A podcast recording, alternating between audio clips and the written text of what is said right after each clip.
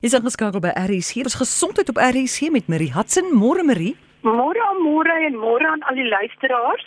Ek weet die onderwerp is vandag deur COVID en baie mense is al so moeg vir COVID en ek self ook al 'n bietjie, maar daar's baie verwarring oor COVID toetse. Wat beteken dit as jy vals positief of 'n vals negatiewe toets het? Beteken dit dat jy COVID kan hê, maar jy toets negatief of dat jy gesond is maar jy toets positief? En as jy vir COVID toets en 'n toets positief beteken dit dat jy dalk positief is vir die influenza virus. Dis wat enkele van die vrae wat ons vandag gaan probeer opklaar en ek gesels met dokter Jean Marits. Hy's 'n mediese viroloog verbonde aan die patologie firma Pathcare en hy gaan my help om van die antwoorde te vind om hierdie verwarring op te klaar. Baie welkom dokter Marits. Goeiemôre Marien. Ja, goeiemôre wat aan jou luisteraars. Dokter Marits, kom ons begin sommer by die begin en sê daar is verskillende COVID toetse, maar wat is die die kortliks? Die verskil tussen die virustoets, die antiliggaamtoets en die antigeen toets.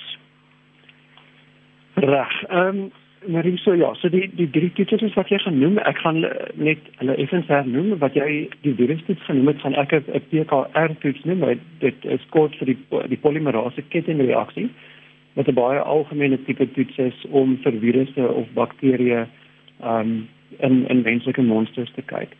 So as ek dit kan groepeer, 'n PCR en 'n antigeen toets, wat jy laaste genoem het, is toetse wat kyk vir komponente van van 'n virus of dit nou influenza is of COVID is, maak nie saak nie, maar dit is toetse vir 'n deel van die virus waar antiliggaamtoetse toetse is wat kyk vir die immuunrespons wat ons as mense gehad het toe ons uitgedaag is deur 'n infektiewe agent soos COVID of of influenza. Kom ons staan gou gou stil by die virus, die PCR toets. Hoe akkuraat is dit werklik? As jy positief toets, beteken dit werklik jy's positief en as jy negatief toets, beteken dit werklik jy's negatief. Ja. Maar daar's daar's twee goed wat ek by wat ek uh wil bekend doen.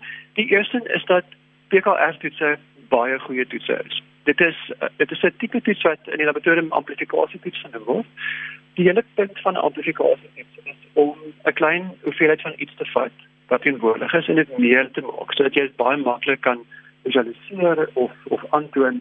En dit is hoekom ons goed so PCR toets gebruik wanneer ons vir COVID toets. Want die hele die hele proses maak om 'n klein hoeveelheid virus iemand wat byvoorbeeld aan die begin van 'n infeksie is te kan amplifiseer en dan met duidelike resultaat te kan lewer op op daardie monster. So die dit is also werd om vreeslik sensitief te wees. Die meeste van die toetse wat ons uh, gebruik kan 'n enkele of of twee kopieë van 'n virus optel wat gewoonlik in duisende of miljoene kopieë teenwoordig is op 'n op 'n tepper of op 'n uh, kliniese monster. So die toetse is werklik werklik baie sensitief en dit ek dink wat ons moet onthou is dat as ons 'n resultaat kry wat ons nie miskien verwag. Ek voel myself as 'n siek pasiënt wat gaan vir die toets. Is daar vele simptome, nie net uh, vele aspekte, nie net die toets self nie, wat 'n invloed op die resultaat kan hê. Byvoorbeeld, ek nou genoem van sensitiwiteit wat beteken dit toets kan baie min virus optel. Die kans dat dat iets soos intermitterende afskeiding van 'n virus of 'n depper wat moontlik nie goed geneem is nie, 'n impak op die resultaat kan hê, is is meer werklik of of dit dra meer gewig as die die toets se ontwerp self.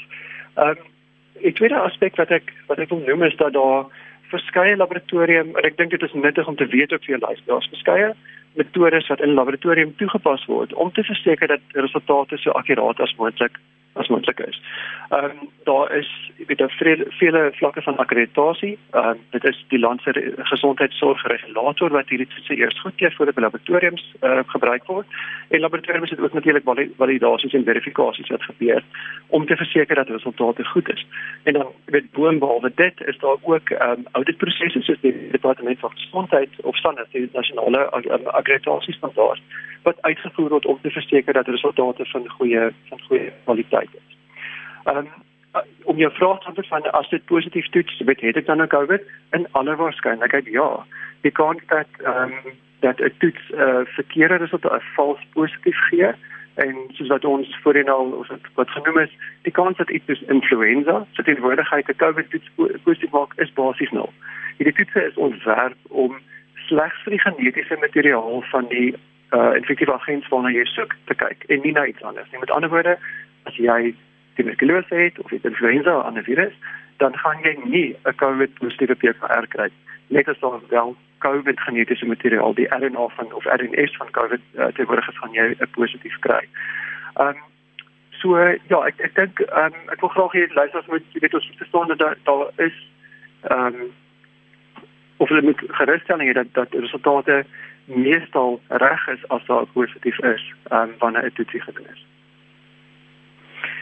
En jy het gesê dit dalk 'n verskil van waar die monster geneem word. So is dit beste om dit deur die neus te neem, baie mense voel of hulle breinselle uitgetrap word of om om dit agter in die keel te neem. Die enkel beste ehm um, 'n plek om die monster van te neem op die op die oomblik is diep agter in die neus. So dit word die nasofaring genoem. Daar is baie bewyse in die literatuur oor dat nasofaring is die beste um, tipe is wat jy kan doen. In sekere pasiënte is dit is dit baie nie moontlik nie en dan kan mens aan die agterkant van die keel waar die oorevarings genoem word ook 'n depper 'n depper neem. Daar is 'n klein verskil. Ek sê dit is wat jy gaan gaan kry tussen hierdie twee anatomiese plekke, maar in die algemeen is is albei is goed genoeg. Jy kan dit van enige van die twee plekke neem. Ek wil net ietsie sê oor jy het voorheen vals negatiefs genoem. Ek dink um, dit is ook nuttig om te weet vir almal dat omdat virus intimiderend afgeskei word, soos dit nie altyd dieselfde hoeveelheid virus teenwoordig in die keel of in die mond of in die neus nie. Ehm um, dat indien ons 'n resultaat kry of indien dit jou die geneesheer of ehm um, gesonde sake 'n resultaat kry wat nie inpas by wat hulle by wat hulle dink nie, dan word dit vals negatief. Is dit die moeite werd om later miskien as 'n pasiënt seker word weer 'n depper te gaan neem van weet weer agter in die keel byvoorbeeld of op aanbeveling van die dokter op 'n ander plek um, om te kyk of daar nie dalk intermitterende afskeiding was dit hy van die eerste depper. Is daar spesifieke tye van dit mens siek geword het wat die toets uh, groter kans het om positief te wees? Bijvoorbeeld van na 5 dae of na 'n sekere tyd en is daar 'n sekere tydperk waarin dit 'n groter kans het om wel positief te ja, wees? Ja, absoluut. Absoluut. So die grootste kans om dit dit positief te kry as jy dit meet en wanneer iemand begin simptome toon, is omtrent laat dag 1 kom is met dag 2 tot omtrent dag 5. So dit is daar's 'n bietjie van 'n kurwe. Jy kan definitief al 'n positiewe depper kry voordat iemand siek word. Jy weet natuurlik wanneer iemand gaan siek word, maar die 2 dae of so voor iemand se simptome aankom sal dit of is, daar is al 'n goeie kans dat dit dan gaan positief word maar die kans piek in daai paar dae na simptome aankom soos wat ons gesê het en dan neem dit af. Dit beteken nie dat jy nie na dag 5 'n positiewe test gaan kry nie. Die kans word net kleiner want die feit dat virus word minder in jou keel of weet in die neus soos wat die liggaam se immuunstelsel besig is om die infeksie te veg. Ehm um, maar dit kan ook dit so lank positief. Ja dit is presies wat ek vir jou wou gesê het. In baie pasiënte gaan 'n toets nie meer positief wees nie na omtrent 14 dae. Daar is nie absolute afsnypunt nie, maar baie mense weer eens is baie goed beskryf, kan vir langer as 3 maande positief bly na 'n infeksie. En dit is bloot omdat daar nog dele van die virus, van die genetiese materiaal, van die RNS, uh so of hele RNS of fragmente van RNS ehm um, wat nog rond rond lê in die keel in epiteelselle of immuunselle. En omdat ek het begin dit te sê dat hierdie PKR-toets so verskriklik sensitief is en baie min virus kan antwoord. En dit is hierdie twee faktore saam wat maak dat jy uh, weke selfs maande na die tyd nog wel 'n positiewe PKR kan kry. Jy is lankal gesond. Dit sê nie dat jy meer siek is nie, maar daar is nog wel 'n RNS aantoonbaar van die virus in daai in die keel dan of in die Maar as sê maar iemand het nou COVID gehad en was positief. Ja. En nou 2 maande later beland die een in die hospitaal vir heeltemal 'n ander rede.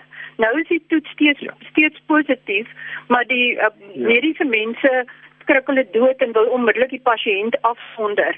Nou hoe oortuig mense dan iemand dat daai persoon nie meer uh siek is of aansteeklik is of dat daai toets nou nie regtig meer van so is nie? Hoe hoe pak mens ja, dit aan? Dis 'n baie moeilike scenario vir die uh, wat ons wat die aanbeveling heidaglik is is dat wanneer iemand byvoorbeeld in die scenario wat jy beskryf het, wel vir toelating gaan, dat het, dat 'n mens die pasiënt se vorige geskiedenis in ag neem.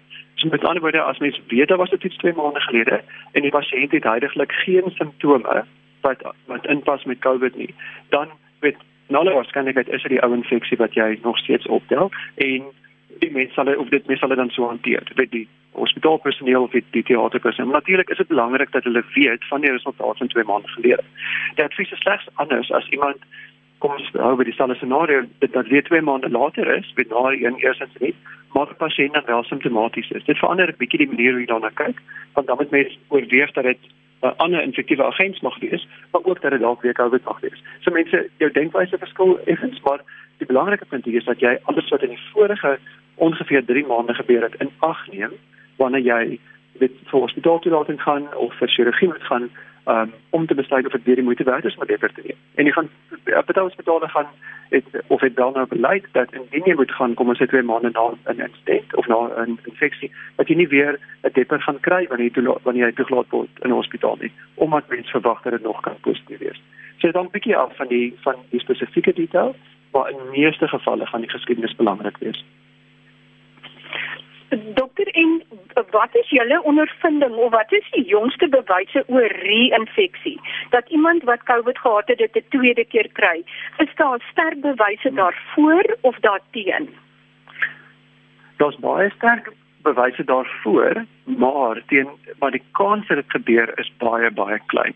Ehm um, so daar is definitief bewyse en dit is dis bewys dan dat kom ons sê in 'n periode van rondom 3 maande 'n persoon 'n infeksie gehad met met een COVID virus en dan later, kom ons sê binne 3 maande later, dat daar bewyse is dat dit dis weer 'n COVID virus maar dit lyk effens anders en jy kan onderskei geneties tussen die twee. Dit beteken nie dis 'n ander virus nie, dis nie 'n ander stam van COVID nie, maar daar's klein verskilletjies, amper soos ehm um, aber as jy vaderskap te doen um, en mense wat jy wel kan klein verskille tussen die virus bepaal. Ehm um, so daar is goeie bewyse. Die, die kanse egter om dit te kry of ons huidige verstaan is dat dit baie klein is. Ehm um, dit mag verander soos wat ons meer leer van die virus. Dis mens moet onthou dat bin wêreldwyd is die virus nou omtrent maar vir 10 maande met ons. Daar was nog nie besonder baie geleentheid vir infeksie nie. En mag dit moet nog later vind dat dit effens meer prevalent word as wat ons nou dink, maar dit kan definitief gebeur. En sal die mense dan sieker word die eerste keer of sal die die eerste keer se siek word hulle darm op 'n manier beskerm? Ja, ek dink die ek dink almal het gedink dat uh of gehoop miskien dat 'n eerste infeksie mens wel sal beskerm ten volle of gedeeltelik in 'n tweede infeksie. Dit is ons weet egter van gevalle waar daar 'n herinfeksie gebeur het waar die persoon die tweede keer uh, seker was as die eerste keer. So dit is nie uh, ek dink oor die algemeen sal persone minder siek wees, maar dit is weer eens nie 'n absolute antwoord. Iemand mag seker wees die die tweede keer. En dit is dan hoekom ons weet die boodskap van sosiale distansiering en masker nou alles moet versterk. Dat die mens nie jy weet op jou laure is omdat jy dink jy het een keer gehad, nou gaan ek beskerm mense in toekoms. Dit is ongelukkig nie waar nie. En ons moet altyd bewus bly van blootstelling aan infeksie um, om te voorkom dat ons weer kry en moontlik 'n erge infeksie kry die tweede keer. Dokter, ek wil net voordat ons oorstap na die teenliggaamtoetse toe, ek wil dood seker maak die wat julle nou van praat in mediese terme van die sensitiwiteit en die spesifisiteit. Ja. Met ander woorde, yes. is dit spesifiek vir die vir die um, COVID virus of uh, as dit sensitief is, hoe sensitief dit dat dit akkuraat is, die die toetse betroubaar is. Val die uh, val die die uh die ek wil amper sê die resultate wat jy kry uit jou toetse vir die COVID virus, val dit binne die resultate wat jy graag wil hê van ge, van ander virustoetse. Vergelyk dit goed ja, die sensitiwiteit en die spesifisiteit van hierdie virustoets. Ja, absoluut. Ehm um, Heeltemal Marie, dit dit is dit is val 100% binne die amper sê reikwyte of die vertroue wat wat jy wil hê wanneer jy 'n toets implementeer. Dan word dit wat jy kwalifikasie vir jou wys gemeet teen ervaring met influenza PCR of HIV of die, wat ook al. Ehm um, dit val definitief daar is goeie bewyse in die literatuur, daar's goeie webtuistes wat hierdie goed alles opsom. Ehm um, en sê dat in 'n laboratorium hierdie toets baie goed is jy weet baie akkuraat is in die aantoning van die uh van die virus. Ek wil net jy weet net net vir konteks, ek dink wat ek vroeër genoem het, die ander faktore wat uh, invloed kan hê op resultate moet altyd in ag geneem word. En en ek wil ook net voorstel dat dat jy weet die toetse wat wat gebruik word, ehm um, het al is almal bewys om goed te wees. Ek sê dan daar is dit regulatoriese prosesse en validasieprosesse wat wat aan ehm um, jy weet voldoen moet word voordat toetse ingebring word. En ek en uh, my boodskap sal wees dat mens altyd 'n laboratorium gebruik of uh, ja, wel 'n laboratorium gebruik. En dit word nie jy weet op 'n hoekafee gedoen nie. Dit is natuurlik in laboratoriums, maar dat jy 'n laboratorium gebruik wat ervaring het met die prosesse en wat 'n goeie reputasie het en wetenskaplikes en patoloë wat hierdie wat hierdie toetse bestuur. Um om te jy weet om te verseker dat kwaliteit uh wel goed is. Maar die die toetse is is op, op 'n analitiese basis in 'n laboratorium vreeslik goed. En ek dink as daar twyfel is tussen resultate, ehm um, moet mens weet die gesondheidswerker of die mediese praktisyn moet moet alles in ag neem, die konteks van die pasiënt die die verloop van resultate, die tydsverloop tussen resultate en dan indien daar twyfel is met 'n patoloog praat oor wat die wat die moontlike redes kan wees. O, ons weet daar is daar jy weet dit ons weet daar's redes vir vals negativiteit en as iemand weet as 'n geneesheer of mens wat sy onseker is oor interpretasie kan hulle altyd laboratorium skakel en met die patoloog gesels daaroor. Ek verstaan. Dokter kan gebeur dit ook dat sê maar jy toets mense wat siek is. Met ander woorde mense wat reeds ja. simptome het, so daar's 'n hoë suspisie dat hulle COVID het. Ja. Dan is 'n klare geselekteerde groep wat jy eintlik uitkies want die kliniese tekens eh, dui klaar daarop dat hulle moontlik COVID het. Maar as jy nou net 'n ja. groep mense wat gesond is toets vir COVID, ehm um, hmm. speel die vals positief is dan 'n groot rol weet sê maar die die die sê maar die grens is 3%. Ek weet nou nie presies wat die grens in die, in hierdie geval is ja. nie. Maar sê maar jy toets aan 1000 mense en 30 is positief. Is dit vals positief of ware positief? Is hoe weet mens dit? Of is daar 'n manier om dit te onderskei? Ja, so ek gaan net ek wil net terugverwys na jou die woord spesifisiteit wat jy vroeër gebruik het. Dit was oor 'n flat net gepraat. So net weet dit om op te som die spesifiteit van die toetse is besonder goed. As jy in 'n laboratorium dit uitdaag met ander virusse, jy sit influenza of een van die ander koronavirusse in 'n toets, dan is hierdie goed nie positief nie. Hulle bly negatief want hulle is spesifiek vir COVID. As dit klinies toepas en jy het 'n groep pasiënte wat jy dit nie in vermoed nie, moet jy altyd onthou dat dit wat jy dink die positiwiteit is in 'n populasie gaan beïnvloed word deur daai groep pasiënte wat ons vroeër oor gepraat het wat vir lank nog die virus mag uitskei, dan wil hulle klinies siek nie. So jy beskou hulle as 'n ongeïnfekteerde pasiënt as jy na hulle kyk. Maar hulle mag wel nog virus hê wat rond lê van weke of maande gelede, soos wat ons bespreek het. En wat jy moet ook verstaan is daai groep pasiënte of daai pool pasiënte word meer en meer en meer in 'n populasie soos wat die virus versprei.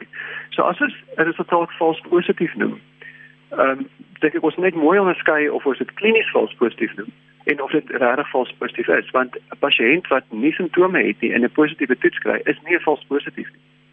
Dit is bloot jy het dit nie verwag nie, maar dit beteken nie dat die resultaat vals is nie. As 'n genetiese materiaal van van COVID op die depper is en die toets toon dit aan, dan is dit nie 'n vals positief nie.